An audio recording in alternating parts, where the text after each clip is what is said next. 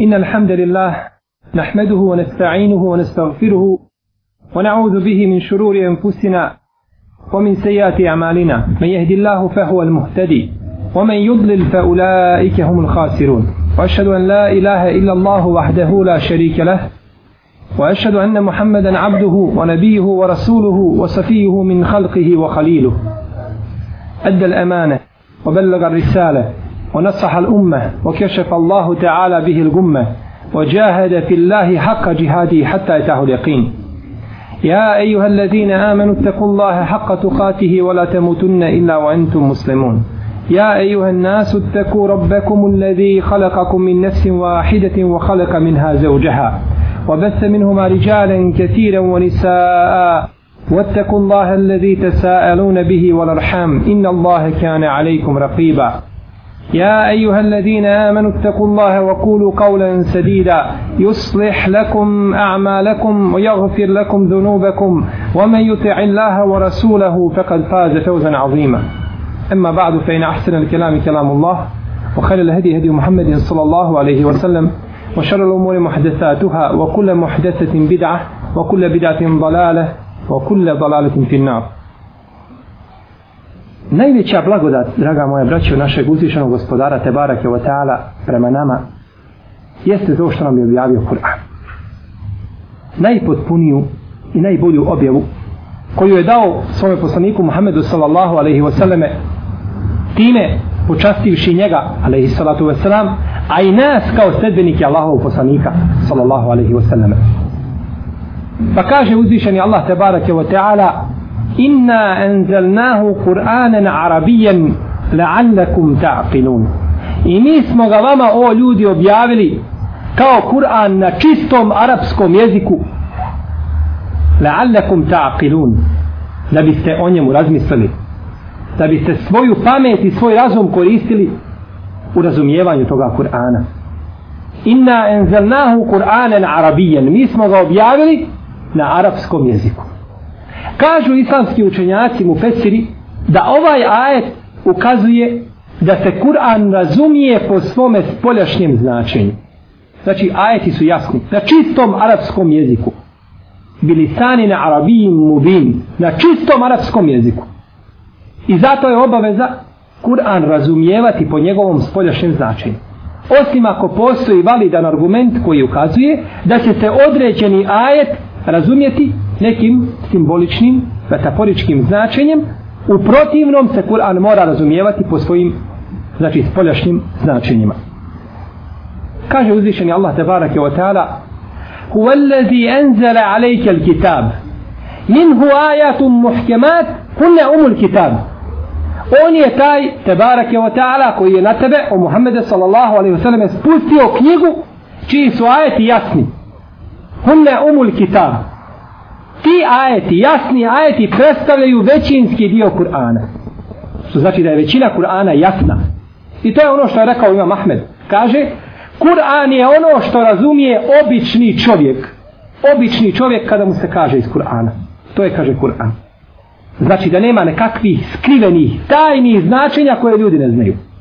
Toga je malo u Kur'anu jako malo wa uharu mutešabihat. e to su ti manjinski taj dio a drugi ti dio ajeta je mutešabihat. nejasni ajeti fa emme allazina fi kulubihim qulubihim fa fayattabi'una ma tešabehe minhu ibtigha'a al-fitnati wa ibtigha'a ta'wili a oni čija su srca bolesna oni slijede te ajete koji su manje jasni pa ostavljaju jasne ajete po određenom pitanju a hvataju se za nejasne ajete čija su značenja nepoznata većini ljudi. Ili ih možda niko ne zna od ljudi. Slijede znači te nejasne ajete. Čije značenje zna samo uzvišeni Allah te barake o ta'ala. Dakle obaveza je razumijevati Kur'an po njegovom spoljašnjem značenju.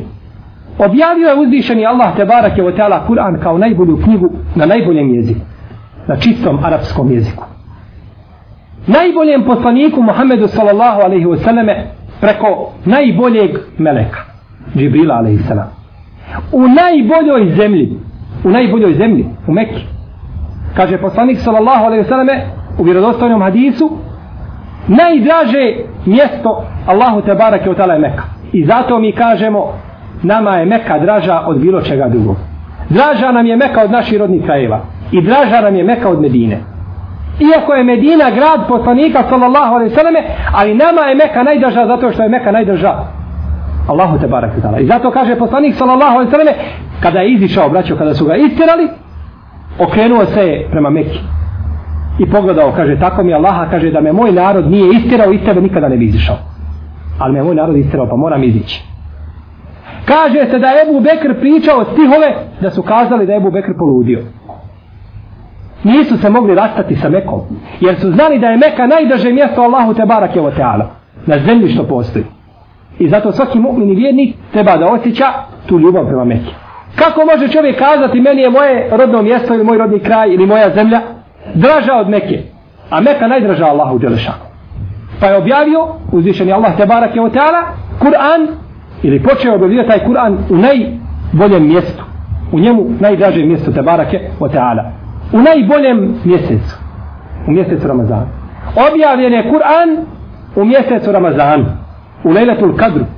U najboljoj noći.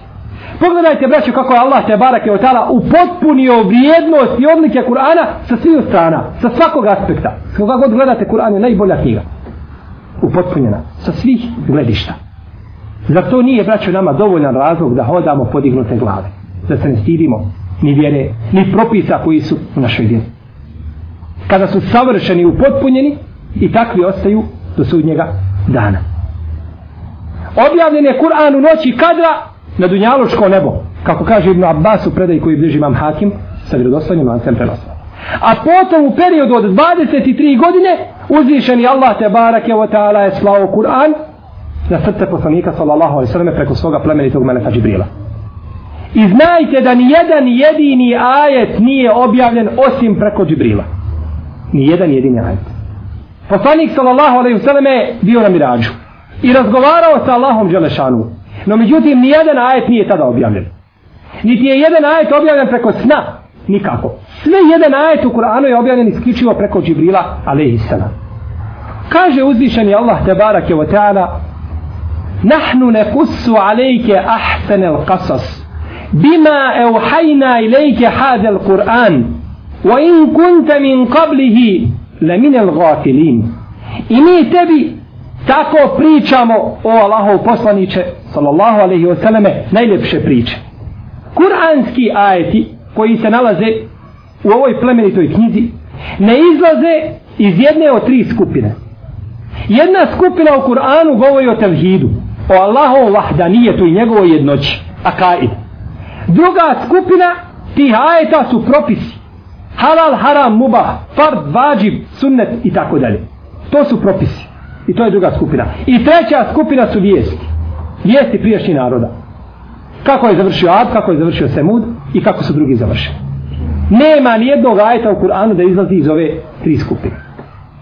Kaže uzvišeni Allah te barake odala nahnu nekusu alejke nahnu nekusu alejke ahsan al qasas i mi tebi objavljujemo najljepše priče ko priča najljepše priče uzvišeni Allah te barak dala koji je stvorio ljude i koji priča sa istinom bil haq istinito i zato se kaže kasas u arapskom jeziku imate kisas to su priče a i kasas su priče samo što kaf u prvom slučaju ima petku a u drugom slučaju ima kesru Kakva je razlika?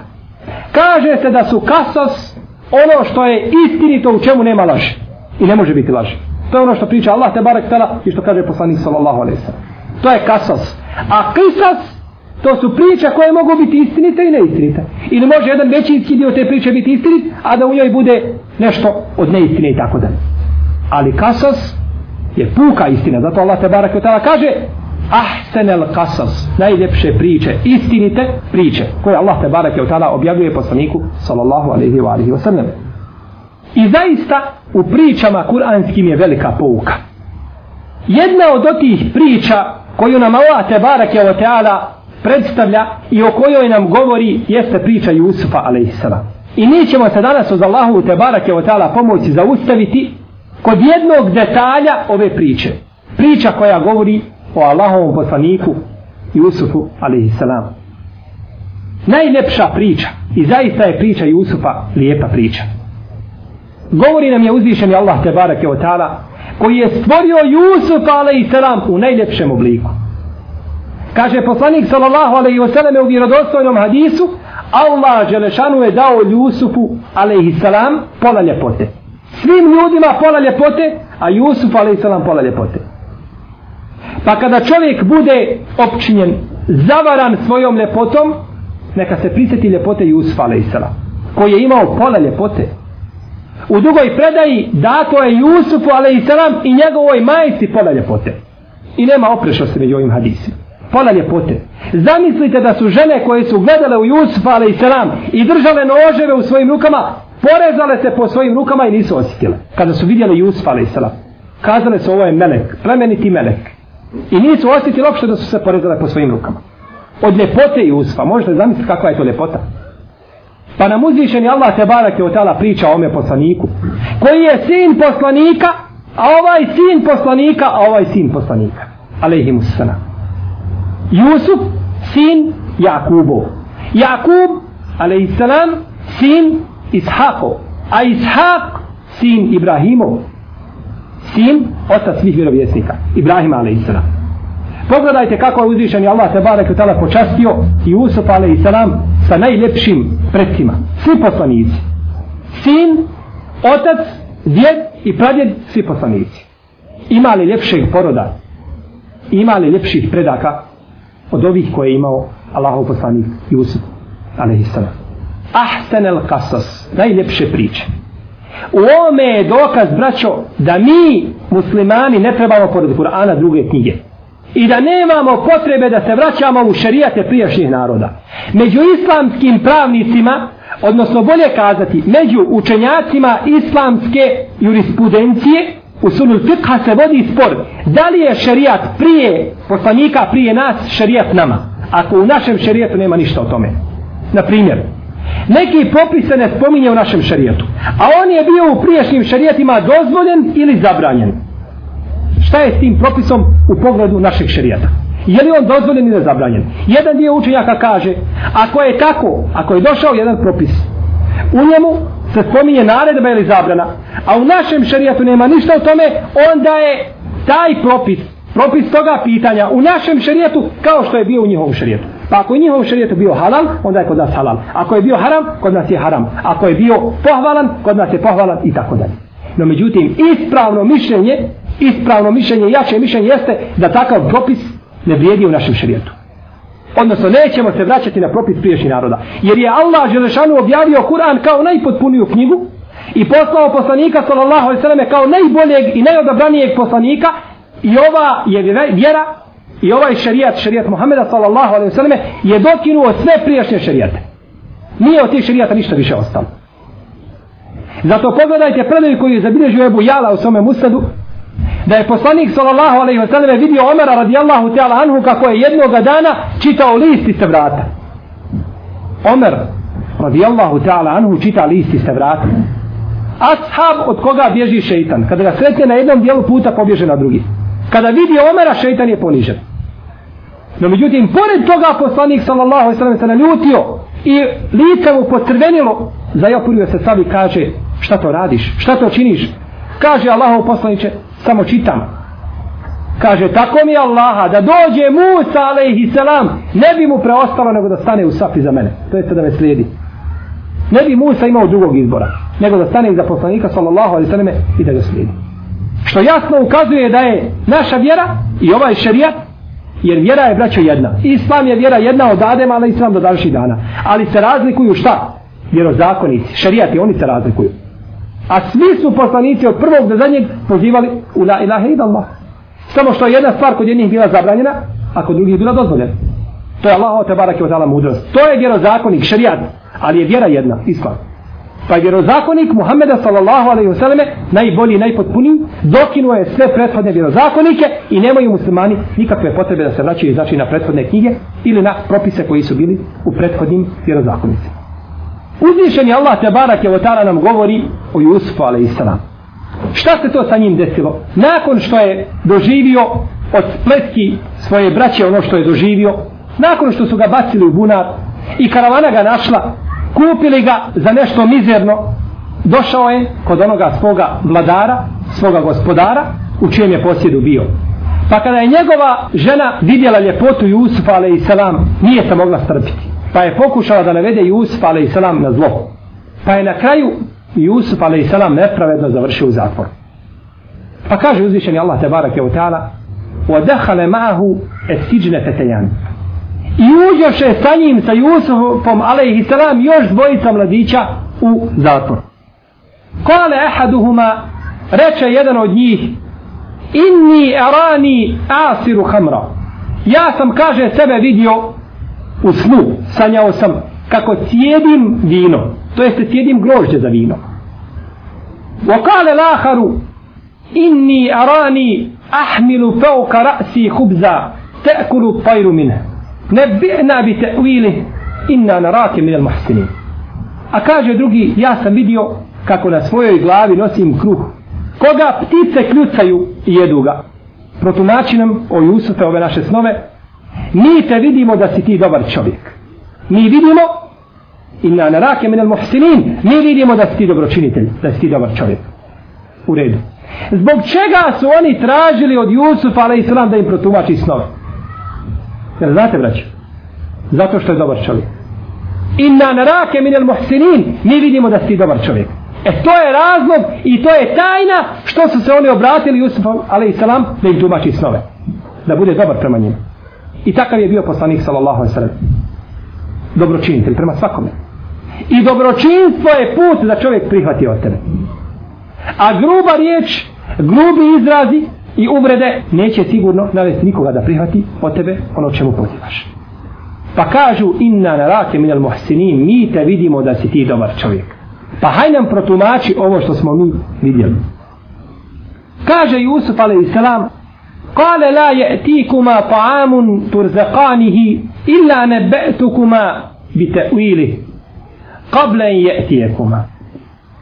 Kaže Jusuf a.s. neće vam doći ni jedna hrana koju ćete dobivati kao obrok a da vam ja neću kazati šta ćete dobiti prije nego što vam dođe ja ću vas obavijestiti o svemu što će vam dolaziti kao hrana. Hoće Jusuf a.s. da njima pokaže svoju iskrenost i svoju poslaničku mudrost. Hoće da im pojasni ono što će im dolaziti da bi oni kasnije prihvatili od njega. Oni nisu tražili od Jusufa a.s. da im kaže šta će im dolaziti za hranu. Nisu to tražili. Već su tražili da im protumači snove. No međutim Jusuf a.s prilazi njima jednim drugim putem. Pa kaže ja ću vama protumačiti i kazat ću vama šta će vama doći za hranu. To je muđiza od Allaha te barake od tala koju mi je dao. Kazat ću vam šta ćete dobijeti kao obrok. Ovdje Allah te barake od tala govori o Jusufovoj alaihissalam mudrosti. Mudrosti u davi. Kako je prilazio ljudima, njegovim prijateljima koji su boravili sa njim u zatvoru. Zalikuma mimma allemeni rabbi. To vam je ono čemu me je poučio moj gospodar. Iz ovoga islamski učenjaci uzmaju zaključak da je tumačenje snova poklon i dar od Allaha Đelešanu. I tumačenje snova je nauka koja se ne može učiti. Tumačenje snova se ne može naučiti iz knjiga. Može čovjek naučiti neke temelje i neka pravila i principe koji se mora pridržavati pri tumačenju snova, tačno ali tumačenje snova je dar od Allaha Đelešanu. I to je ono što je uzvišeni Allah te barek tala podario Jusuf a.s. I on je najpoznatiji tumač snova svih vremena. Inni terektu millete qavmin la yu'minune billah wahum bil ahireti hum kafirun. Kaže Jusuf a.s. dalje njima ja sam kaže ostavio narod koji nije vjerovao uzvišenog Allaha te barek i koji je poricao sudnji dan ja sam ostavio inni terektu. Šta znači ovdje terektu? Tereke u arapskom jeziku znači ostaviti. Znači li ovo da je Jusuf a.s. bio sa njima mušrik, obožavao kipove, pa ostavio obožavanje kipova? Nikako. Ne znači ovdje terektu ostavio u smislu da sam bio sa njima pa sam ih napustio. Nego znači ovdje terektu ostavio da sam porekao i osudio to što su činili.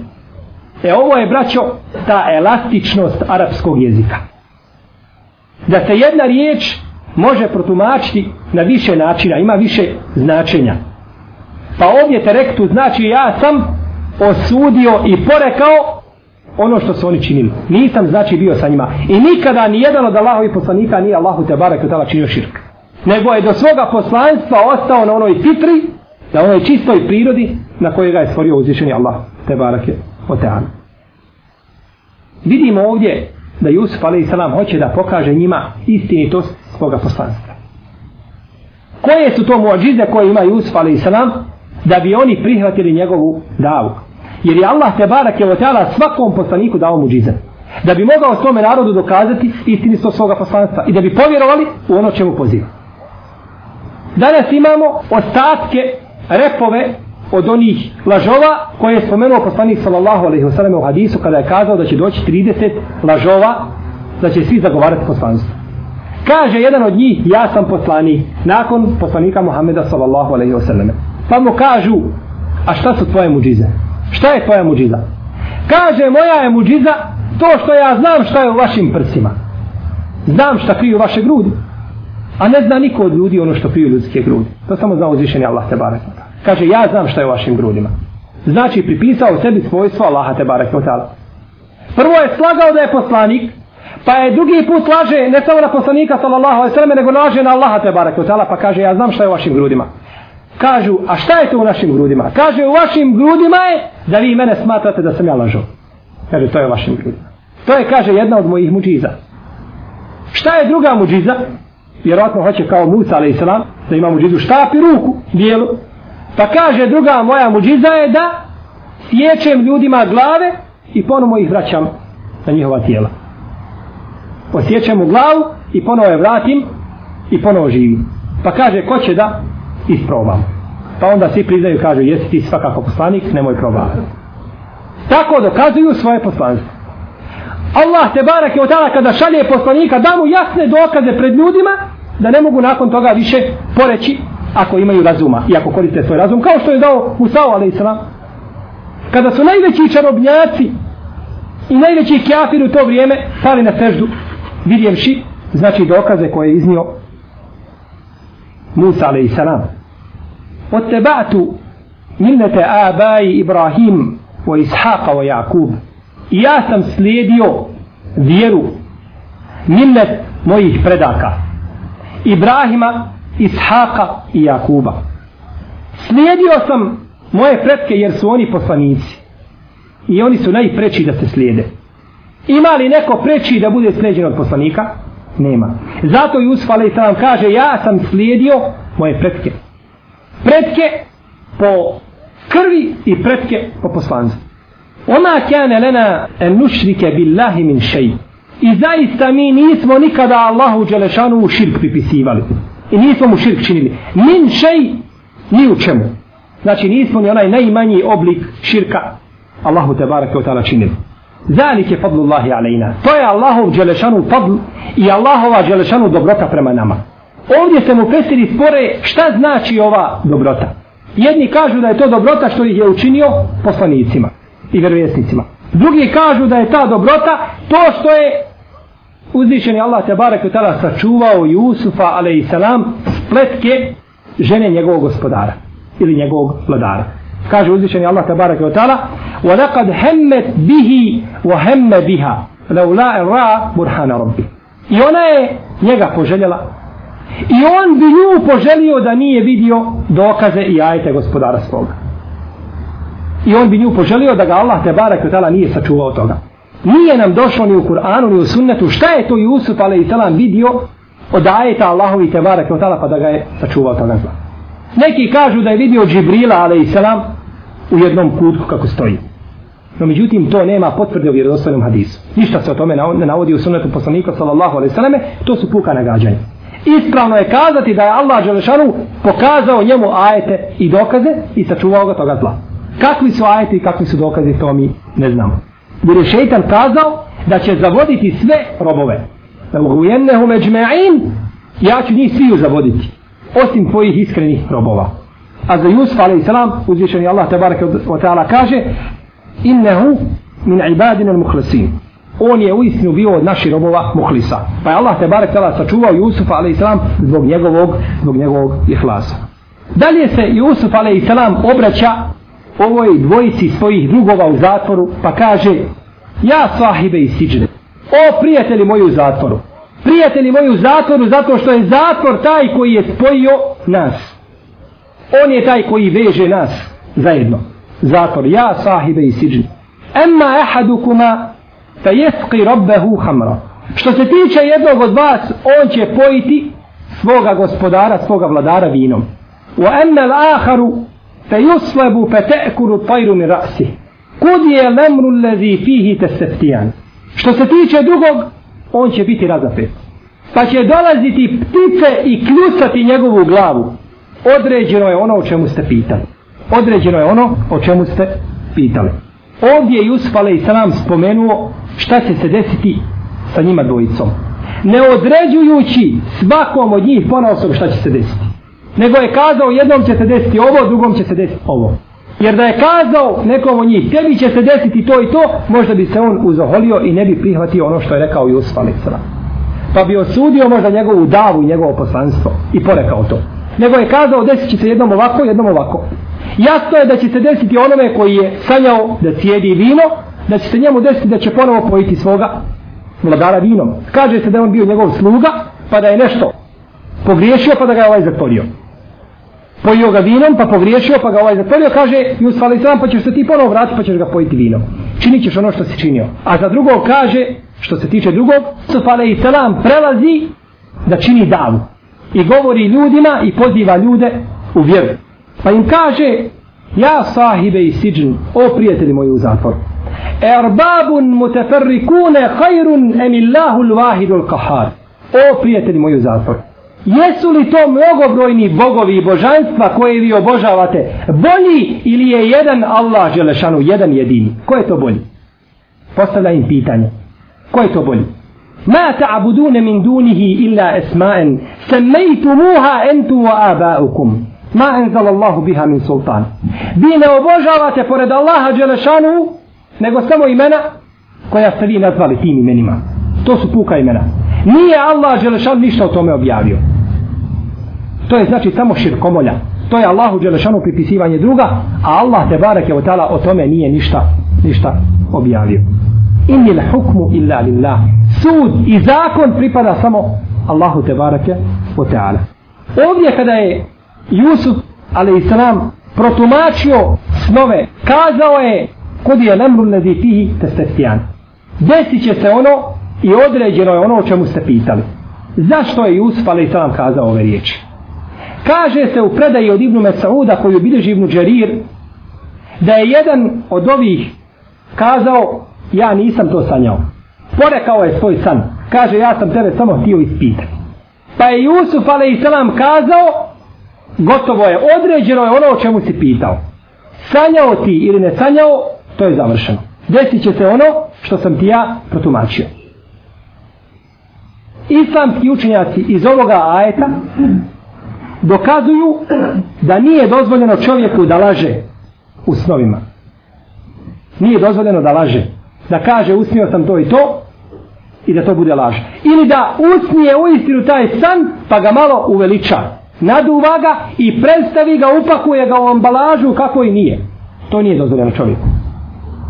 Kaže imam Enabil si u svome dijelu papiru Enam da je jedan dio islamskih učenjaka rekao da onaj ko laže u snovima da je isti kao onaj koji laže kada zagovara poslanstvo. Zašto? Zato kažu što je san i što su snovi dio poslanstva. Snovi su 46. dio poslanstva. Pa onaj ko laže u svojim snovima, on laže u jednom dijelu poslanstva. A ko laže nešto od poslanstva i zagovara nešto od poslanstva, on zagovara sve od poslanstva. Pa kažu da je isti onaj koji laže što je usnio i onaj koji lažno zagovara poslanstvo. Ovo se navodi u jednom hadisu koga bilježi imam el Harajati i Tabarani ibn Asakir od Uvejsa ibn Uvejsa da je poslanik sallallahu alaihi sallam rekao men kezebe ala nebijihi ev kezebe ala validejhi ev kezebe ala ajnejhi lem jerah raihatel dženne. Ko bude slagao na svoga poslanika, ili ko bude slagao na svoje roditelje, i ko li bude slagao na svoje oči, to jeste da je vidio nešto u snu što nije vidio, neće osjetiti džennetskog mirisa. Neće osjetiti džennetskog mirisa. No, međutim, ovaj hadis, iako za njega kaže imam el hejseni da je dobar, ispravno je da je ovaj hadis slab, da je daiv. Da je daiv. No, međutim, navodi se hadis koga bileže Ibn Mađe i Ebu Davud sa vjerodostojnim lance prenoslata u kome poslanik sallallahu alaihi ve sallam kaže e ala riđli ta'ir malem tu abber fe iza ubiret wakad. Snovi se nalaze na ptičjoj nozi. Sve dok se ne protumače. Kada se protumače onda će se desiti. Znači da se snovi nalaze na ptičnoj nozi to jeste da lebde u zraku miruju mirnicu sve dok se ne protumače. Kada se protumače onda će se onda će se desiti. I zato kaže jedan dio islamskih učenjaka da će se sam desiti onako kako ga protumači prvi ko tumači snove. Naravno to tumačenje mora biti povezano sa samim snovima. Ne da na primjer čovjek kaže sanjao sam kako kopam i našao sam gomilu zlata pa mu kaže neko ti ćeš putovati na dalek put. Kakve to veze ima jedno sa drugim? Mora znači biti povezano to tumačenje sa samim snom. Ako je povezano i čovjek koji tumači je adekvatna ličnost za tumačenje snova tako će se desiti. Tako će se desiti. No međutim ako snove protumači džahil šta će biti? Kažu islamski učenjaci između ostalih Samrakandi u svome dijelu Al-Bustan da su islamski učenjaci govorili ako džahil protumači snove da je to isto kao džahil koji donese neku fiksku petvu ili fikski propis. Džahil kaže u fikhu je propis po određenom pitanju takav i takav. Prihvata li se to od njega? ne prihvata, to mu se vraća. E isti takav je propis što se tiče snova. Ako džahil ne znali se protumači snove to nema ibreta i nema pouke. Već je pouka u onome koji prvi protumači snove, a ti su snovi, ili ta, to tumačenje ti snova je svakako vezano jedno za drugo, i ima između njih, znači, vidna, vidna veza. Ovdje vidimo da je Jusuf a.s. protumačio snove ove dvojice i kazao da, se, da će se desiti ono o čemu su pitali. Znači, shodno ome ajetu, obaveza je čovjeku da ako sanja nešto, da ispriča stvarno nakav kakav jeste. Da ništa ne dodaje niti oduzima. Vidimo kako su ovi kazali. Ja sam, kaže, vidio pticu koja je na mojoj glavi. I kljuje kruh sa moje glave. Inače, ptica, kada se spominje u tefsiru snova, gleda se koja je to ptica, koja je vrsta ptice. Pa kada se spominje orao, to ima ruža značenja. Kaže, jedan čovjek došao sam, kaže Ibnu Sirinu, a u predaju bliži Ibnu Sad u svome dijelu, pa Bakatul Kubra, u petom tomu, na 124. stranici. A Mohamed Ibn Sirin je bio poznati tabin, koji je najviše tumačio snove. Kaže, ja sam sanjao jednog lijepog goluba, ili golubicu, bijele boje. I kaže, doletio je orao i uzeo tu golubicu i odnio je. Kada je to čuo, Mohamed Ibn Sirin kazao je, Ako je istina to što si sanjao, onda će El Hadžađ ibn Jusuf Efekafi oženiti kćerku Abdullaha ibn Džafera. El Hadžađ ibn Jusuf Efekafi je bio poznati nepravednik koji je ubio Abdullaha ibn Zubeira. Nepravedno krv u zemlji prolijevao. Silnik. A ova kćerka Abdullaha ibn Džafera je bila jedna od najljepših djevojki u to vrijeme. Pa je protumačio da je orao El Hadžađ ibn Jusuf e Sekafi, a da je ta lijepa golubica koja je bila bijela, a kaže bijelo je kod mene, kaže Ibn Sirin, bijelo je kod mene, kaže da je lijepog poroda. Čist porod, čisti preci. Svi su bili vjernici mu'mini i časni i pošteni. Kaže, pa će kaže doći El Hadžađ i oženit će tu njegovu čerku. Pa kažu nije prošlo nego malo vremena, pa je El Hadžađ ibn Jusuf et Sekafi oženio kćerku Abdullaha ibn Džakar. Ovo je znači tumačenje kada dođe ptica, kada je u pitanju ptica.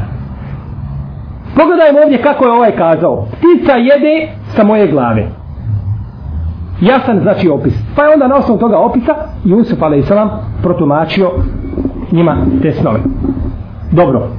Ovdje se postavlja pitanje jesu li ova dva čovjeka prihvatila davet i usfale i a.s.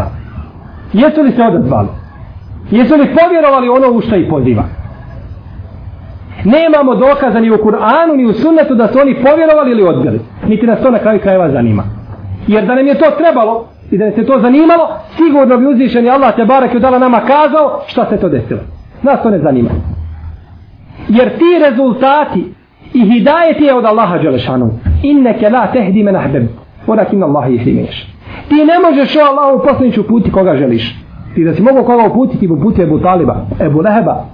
Svoju porodicu bi uputio, ali ti to ne možeš. Uputa je od Allaha te barake od Allah. To je dar koga daje kome želi od svojih robova. No međutim, na tebi je da preneseš, na tebi je da preneseš taj risalet. Ja, ejuhar rasul, bellig ma unzile ilike mir rabbi. O Allahu prenesi ono što ti se naređuje od tvoga gospodara. Oma alejke ila al-balag. A na tebi nije ništa drugo nego da preneseš. Znači, poslanici su bili zaduženi da prenose. A uzvišeni Allah te barek tela daje kome hoće uputu daje kome hoće. I zato će doći poslanika na sudnji dan koji neće iza sebe imati nego jednog sredbenika. Znači li to da nisu prenijeli, da nisu dostavili, da nisu pozivali, da su iznevjerili, ne daj Bože, nikako. Svi su oni to prenijeli, ali ljudi nisu htjeli da prihvate istinu. Tako znači da je obaveza za čovjeku samo da poziva. Što je učinio Jusuf, ali i sana o priči Jusuf a.s. se može govoriti dugo i dugo. Jer ova priča ima jako zanimljive momente. Jako zanimljive momente. U kojima je došlo do izražaja dalekovidnost, došla je do izražaja Jusufova a.s. dalekovidnost i njegov razum kao poslanika koga je uzvišen Allah te barek tala počastio sa poslanstvom. No međutim mi smo govorili o ovom kratkom događaju da vidimo samo kako je to Jusuf a.s. postupao sa onima koje je pozivao islam blago i nježno, sa najljepšim riječima. Kao naš poslanik Muhammed sallallahu alejhi ve sellem. Pa sjetite se samo događaja kada se ona, kada je onaj beduin ušao u mesčid i učinio malu nuždu. U mesčidu, u džaniji. Pa su ashabi već bili spremni da ga ubiju. Pa kaže poslanik sallallahu alaihi sallam, pustite Pa je naredio da se pospe vode po tome mjestu i time to biva čisto. Pa ga je pozvao. Pa mu objasnio, kaže ovo je džamija, ovo je Allahova kuća nije namijenjena i nije napravljena za takve stvari, već je namijenjena za ibadet Allahu Đešanu. Pa je kazao, Allahu dragi, oprosti meni Muhammedu i smiluj se meni Muhammedu i nemoj se nikome drugom smilovati mimo nas dvojice. Znači, svi ashabi koji su potegli sablje ne zaslužuju kod toga beduina oprost i ne zaslužuju milost. E tako je, braćo, kada čovjek poziva lijepom riječu, kada se čovjek lijepo obhodi sa svojim bratom muslimanom, Šta da kažemo za onoga čovjeka koji je došao poslanika sallallahu alejhi ve selleme sa leđa ga uzeo i stegnuo njegovu odjeću i ucrtala se njegova odjeća u njegov vrat, kaže ene smislio sam da će ga udaviti i kaže Mohameda kaže daj mi kaže od imetka. Kaže to nije imetak tvoga babe i tvoje mame daj vamo.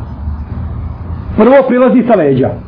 Kakva je to nekultura priči običnom čovjeku sa leđa? Treba prići s prednje strane, Druga stvar, ti tražiš nešto, ti si potreban, ti si muhtač nečemu, onda tražiš to na lijep način. I kaže, kako traži, hvata poslanika sallallahu sallam za odjeću. Kaže, Enes, mislio sam da će ga udaviti. Pa kaže, o Muhammede, a Allah Žešanu nigde nije kazao u Kur'anu, ja Muhammed. O Muhammede. Ja ejuhen nebi, o vjerovjesniče. Kako Allah Žešanu se obraća poslaniku sallallahu sallam, ovaj beduin kaže, o Muhammede, daj mi imetak. Kaže, to nije metak tvog baba i tvoje mame. Pa dobro, kakve veze imaju roditelji poslanika, sallallahu sallam, u tome slučaju? Tilke umetun kad halet, ti su ljudi prošli. Što njih spominješ? Što vrijeđaš njegove roditelje, ali i sallatu wasalam? Vidimo te kulture, no međutim, poslanik, sallallahu sallam, se okrene i osmijehne se i kaže, dajte. Dajte mu, dok ne bude zadovoljan. To je ta znači nježnost i blagost koju su imali svi poslanici, prvenstveno naš poslanik sallallahu alejhi ve selleme a i Jusuf alejhi salatu ve selam kako se je vidjelo jeli, iz ovoga primjera. Dakle, draga moja braćo, obaveza je svim muslimanima da se ugledaju na Allahove poslanike i da slijede put i uput Allahovih poslanika u svemu, u njihovom međusobnom ponašanju i obhođenju jednih sa drugima.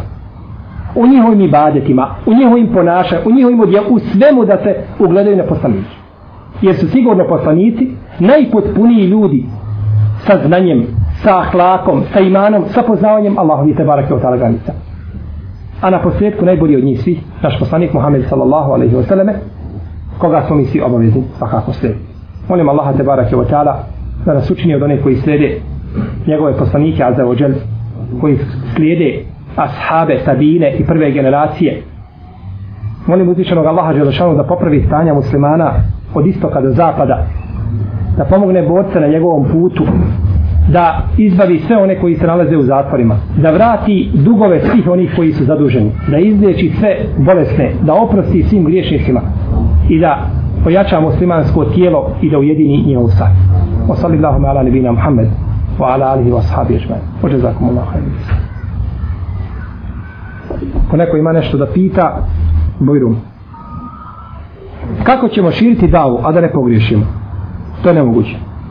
Spominjući Kur'an i hadise, a ne poznajemo dovoljno tako da se možda nešto pomiješa hadis izreka neka ilahija ilahija se pomiješa sa hadisom ili Kur'anom.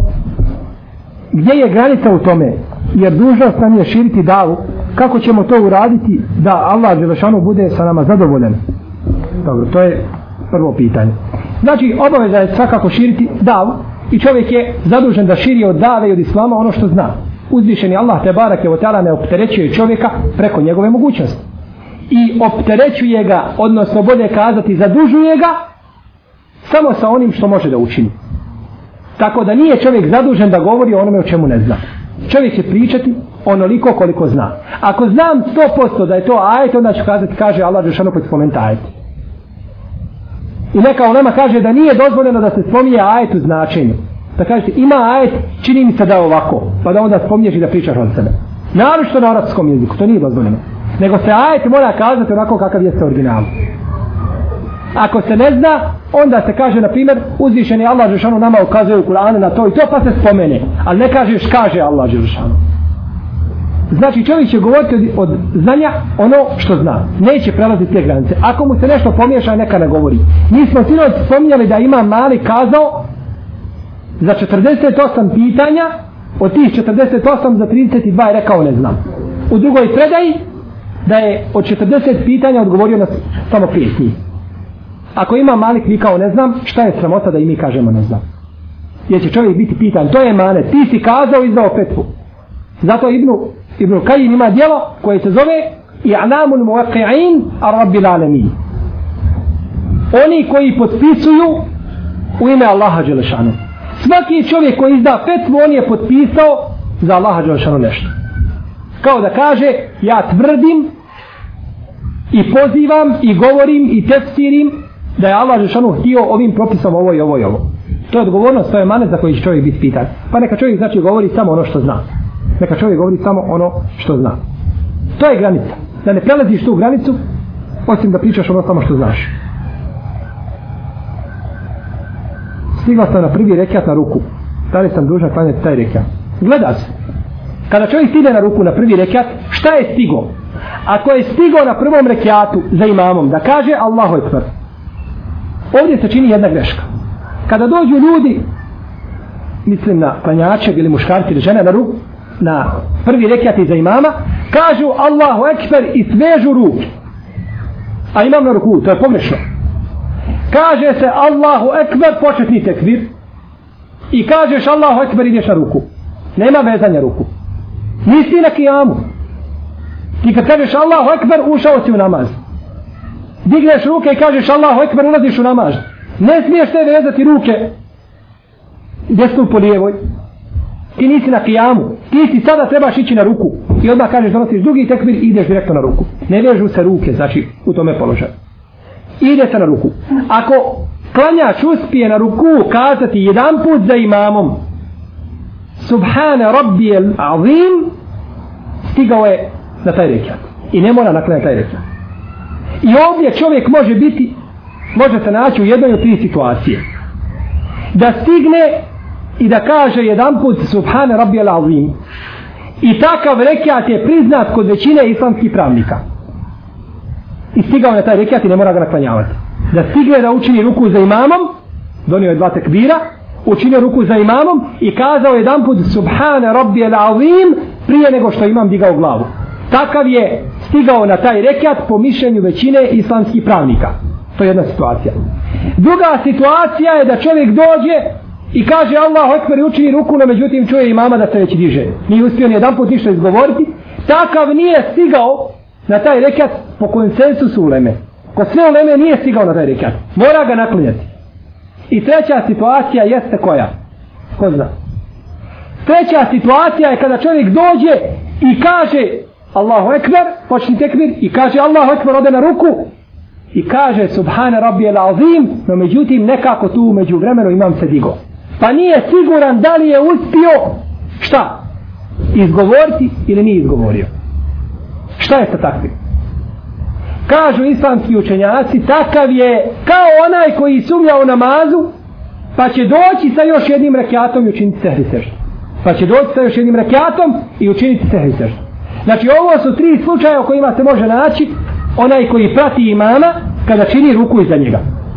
Pa u svakom slučaju ako je sestra u prvom slučaju ome bila da je stigla izgovoriti Subhane Rabbi el Azim jedan put ili više puta prije nego što je imam digao se sa rukua njen ruku je priznat odnosno priznat je cijeli rekat i ne mora naklanjati taj rekat.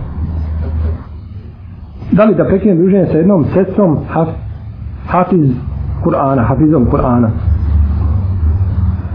koja je u vjeri ali radi bidat novotarije koje su ušle u bosanski običaj gleda se. Ti bidati ti novotarije, novotarije kakvog su stepena? Gdje su oni? Jesu li to bidati koji izvode čovjeka iz vjere? Jesu li to bidati koje zagovaraju i koje svojom vjerom smatraju neiskrivljenije islamske sekte?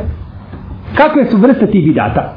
Ako su to bidati koji su poznati kod našeg naroda kao mevlud i kao slične stvari tome onda će čovjek pozivati i govoriti. Ukazivaće i raspravljat će sa takvom osobom i nastoje će ubijediti da ne čini takve stvari. No međutim ovo se vraća na jedno jako odnosno na jednu jako bitnu stvar a to je da li praktikovanje odnosno da li druženje sa tom sestrom negativno utječe na ovu muslimanku koja je postavila pitanje. Ja ću se vratiti i nju pozivati no međutim ispadne obratno pa ona mene poziva u svoj dalalet pa se ja onda možda odazovem njoj svjesno ili nesvjesno. Ili osjetim simpatije prema tom vidatu i toj novotariji. Pa kažem nije to tako ružno nije to toliko zlo. To su ljudi pretjerali izvikali i tako dalje. Ne onda kažemo prekini druženje. Znači ovo se vraća na samu osobu. Gleda da li druženje sa tom osobom ima koristi ili nema koristi i da li to druženje negativno utječe na tebe samog? Ako negativno utječe na tebe samog onda ti ne smiješ sebe izlagati ne smiješ sebe izlagati toj opasnosti već ćeš znači prekinuti druženje sa takvom osobom. Ali u svakom slučaju ako se može družiti onda je bolje da se druži ne bi li se ta osoba vratila znači sa i ne bi li napustila praktikovanje tih bidata. Jer čovjek praktikuje bidat zato što mu je neko kazao da je to vjera i da je to din. Ne zna istinu. Ko će mu kazati istinu ako se ti odvojiš od njega? I ako ga napustiš. Ostani sa njim nastoj ga savjetovati. Pa ako prihvati hajde. Ako ne prihvati onda znači imaš pravo da se odvojiš od njega šta je sa braćom muslimanima koji shvatili vjeru i drže se suneta, a trguju sa cigarama i i konzumiraju cigare, puše. Dobro. U svakom slučaju mi znamo i u to nema nikakve sumnje da je pušenje haram i da je zabranjeno. Da je prodaja cigara zabranjena. Da je kupovina cigara zabranjena. Da je zabranjeno tebi zajmiti poslovni prostor čovjeku koji će držati cigare u njemu poslovni prostor imaš svoje kuće, on kaže ja držam trgovinu. Šta će biti u trgovini? Biće, neće biti alkohola, neće biti cijetne, hajde, hoće biti cigara, hoće, ne smiješ izvati. Jer ti pomažeš, sređuješ sa njim u batilu, u zabranjeno. To nije dozvoljeno nikako čovjeku. Čuo sam jednog današnjeg šeha da je rekao da je pušenje veliki grijeh. Minel kebair, veliki grijeh. I vallahi kada se pogledaju stvari koje izaziva pušenje i zlo, ovo mišljenje nije daleko. Nije daleko od istine. Jer islamski učenjaci, jedne prilike sjećam, jedan šejh je držao nama predavanje i kaže, jedne sam prilike pred, kaže, doktorom koji je stručan za a, plućne bolesti, kazao, kaže, pušenje je haram i alkohol je haram. No, međutim, kaže, alkohol je veći haram od pušenja jer više šteti. Kaže, kada smo završili, kaže, ovaj, kada smo završili predavanje, kazao mi je, kaže šejh, kaže zalažeš on nagradi na lijepom predavanju, no međutim kaže, smatram da si kazao jednu jako pogrešnu stvar. Potpuno pogrešno. Kaže, šta sam kazao? Kaže, rekao si da alkohol više šteti od pušenja. Kaže, jesmo. Kaže, tako mi Allah, to nije tako. Kaže, pušenje je kudi kamo štetnije od alkohola. I onda je spomenuo nekakvi desetine bolesti koje izaziva pušenje. I kažu da je najmanje opasna bolest koju izaziva pušenje rak pluća. To je najmanje opasna bolest koju može izazivati pušenje. Jer pušenje ostavlja jako negativne posljedice. Zato čovjek ne bi vjernik smio sebi dozvoliti naravno čovjek koji je shvatio Kur'an i sunnet da trguje sa cigaretama. Da prodaješ ti čovjek drugom haram i da mu daješ haram i da njega tjeraš haram i ne bi nakon toga čovjek sam sebi smio dozvoliti da puši. Jer ti pušiš svoje kuće, tvoje dijete, tvoja žena, svi su od toga zaraženi. Bila je jedna studija čovjek koji puši vani čovjek koji puši vani pa se vrati u svoju kuću ali ne puši u kući koliko su njegova djeca njegova djeca koliko imaju nikotina u plućima čovjek koji se vozi u autu u kome se nekada pušilo koliko ima nikotina u svojim plućima pa se nađe neki procenat. Nikada ne, ne puši se u auto više ali se nekada pušilo i ti si nakon toga kupio to auto u tvojim plućima ima toliki toliki procenat nikotina i tako dalje. To sigurno nije dozvoljeno i ovaj niko od islamskih učenjaka nije kazao današnjice da je to, da je to dozvoljeno od onih koji se prihvata. I šejh Kardavi koji je poznat da mu se Allah smiluje po a, olakšavanju u brojnim pitanjima kaže da je pušenje haram jednostavno jer to su dokazi ukazuju da čovjek sam sebe pušenjem sam sebe ubija. I to medicina potvrđuje. Gdje čovjek da dođe kod doktora kaže pušaš moraš ostaviti pušenje i tako dalje. Tako da smatram da ne bi sebi vjernik smio tako nešto dozvoliti. Znači šta ako dođe rodbina koja konzumira alkohol, cigarete i neće da se toga prođe. Pa stavite znak na zid, onaj zabranjeno pušenje, ovaj, nacrta se ona glava, ona mrtvačka pušačima, objavljeni sa rat. Dužnost je čovjek da savjetuje. Da poziva čovjeka, da mu objasniš da je to zabranjeno i tako dalje. Da kažeš ti sam da ne pušiš i slično tome. No međutim gleda se, ovdje se gleda. Koja je ta rodbina? ako dođe na primjer otac pa zapali u svojoj kući i neće toga da se prođe ne smatram da je mudro i da je dozvoljeno da se otac istira iz kuće zbog toga što puši no, međutim ako dođe neko iz danje rodbine ako je mlađi i ti znaš da imaš utjecaj i tako dalje možeš mu kazati oprosti halale nemoj pušiti zbog djece i tako dalje mi ne pušimo ovdje ovaj, znači nije to tebi, to je nama svima, niko ne puši u ovoj kući i tako dalje. Ako već moraš pušiti, to je tvoje, ti izađi napolje, ispuši i tako dalje. Međutim, u kući ne može slično tome. Ali je u prvom redu obavez za čovjeku da objasni a to je osobi da je to haram. Jer ako bi ti kazao njemu, nemoj pušiti u mojoj kući, ti nisi puno napravio, Jesi ga spriječio da puši u tvome domu, to je tačno. Ali mi hoćemo tome čovjeku da ukažemo da to što čini da je to zlo za njega i da seba toga prođe. Pa ga nasavituje i ne bi se, ne bi se znači prošao općenito toga zla. Prema dajđi i dajđinoj djeci postavit ćeš se inša Allah kako Allah Žešan naređuje. I kako poslanik sa osam naređuje, to je din i to je vjera, mi ne možemo mimo okvira onoga što Allah dozvolio čovjeku nije dozvoljeno da sjedi u zajedničkim u takvim društvima kaže neko možda prekidam rodinske veze. Ne, ti ne prekidaš, on prekida. Ja kažem tebi, hajmo kako Allah kaže, kaže poslanik, kaže neću. Dobro, ko prekida veze, ti ili ja? Pa ti si zadužen tim Kur'anom i ti sunetom koji ja, oprosti. Ja ću biti blag prema tebi, nježe riječi ali ne mogu ja biti blag prema tebi i dozvoliti tebi da ti, onda te, ako će ja biti blag, onda možeš donijeti sa sobom gajbu piva i staviti i piti u mome stanu i ja ću biti blag prema tebi. Ne. Kažemo, dozvolite, ima ovako. Dođe ima načina kada čovjek uđe, ne mora se kazati odmah čovjek koji ne zna, ne odvojeno, ne smije zajedno haram. Nego mu kažeš, pusti žene, žene imaju svoju priču. Ženska priča, mi smo opet kao muškarci, mi imamo svoje, mi se brinemo, o nečemu drugom i tako dalje. Pa se znači na neki način, lijep na neki način to odvoji i onda i ti ljudi sami će shvatiti u kakvoj se atmosferi nalaze i možda je put, to put da prihvate. No, međutim, sigurno nije mudo da čovjek grubo nastupi ili prvi put kada ti čovjek ulazi da, da mu tako sa takvim tim grubim riječima da ga dočekaš, nego nastaviš znači da, neki, da primjeniš neku mudru metodu, da bi li znači prihvatio taj propis. Jes. Čovjek putuje i klanjao je akšam u akšamsko vrijeme. I spojio je jaciju. Klanjao je dva rekiata jacije. Ostao mu je vitru. Šta će sa vitrom? Tu se vodi spor među islamskim pravnicima. Jedan dio učenjaka kažu ne smije klanjati vitr dok ne uđe jacijsko vrijeme. Drugi kažu smije. Smije klanjati odmah nakon jacije. I ispravno je mišljenje da smije klanjati odmah vitr nakon toga. Zašto? Zato što je poslanik sallallahu alaihi sallam rekao Allah vam je dodao još jedan namaz. Ne propisani, ali još jedan namaz koji puno vrijedi, a to je vitr njegovo vrijeme je od poslije jacije do sabaha. U redu. Taj čovjek koji je tvoj akšam jatiju, kad je njegovo jatijsko vrijeme? Posle akšama, odmah. On je klanjao akšam i nakon toga jatijsko vrijeme. Znači, dozvoljeno da nakon toga klanja. I druga stvar, ako je čovjeku dozvoljeno da pomjeri tu jaciju u akšamsko vrijeme, da uči jatijskim vremenom, što mi bi bilo dozvoljeno da pomjeri vitr? No međutim, bolje je da vitr klanja kada? Kada nastupi jatijsko vrijeme. Bolje je. Zašto? Da bi izišao iz razilaženja. Jer islamski učenjaci uvijek kažu što ima nešto što je ahvet, što je sigurnije, što je bolje. Razišli se učenjaci po jednom pitanju. Naprimjer, islamski učenjaci se spore kada čovjek hoće da opere, kada opere noge i da obuče mjeste.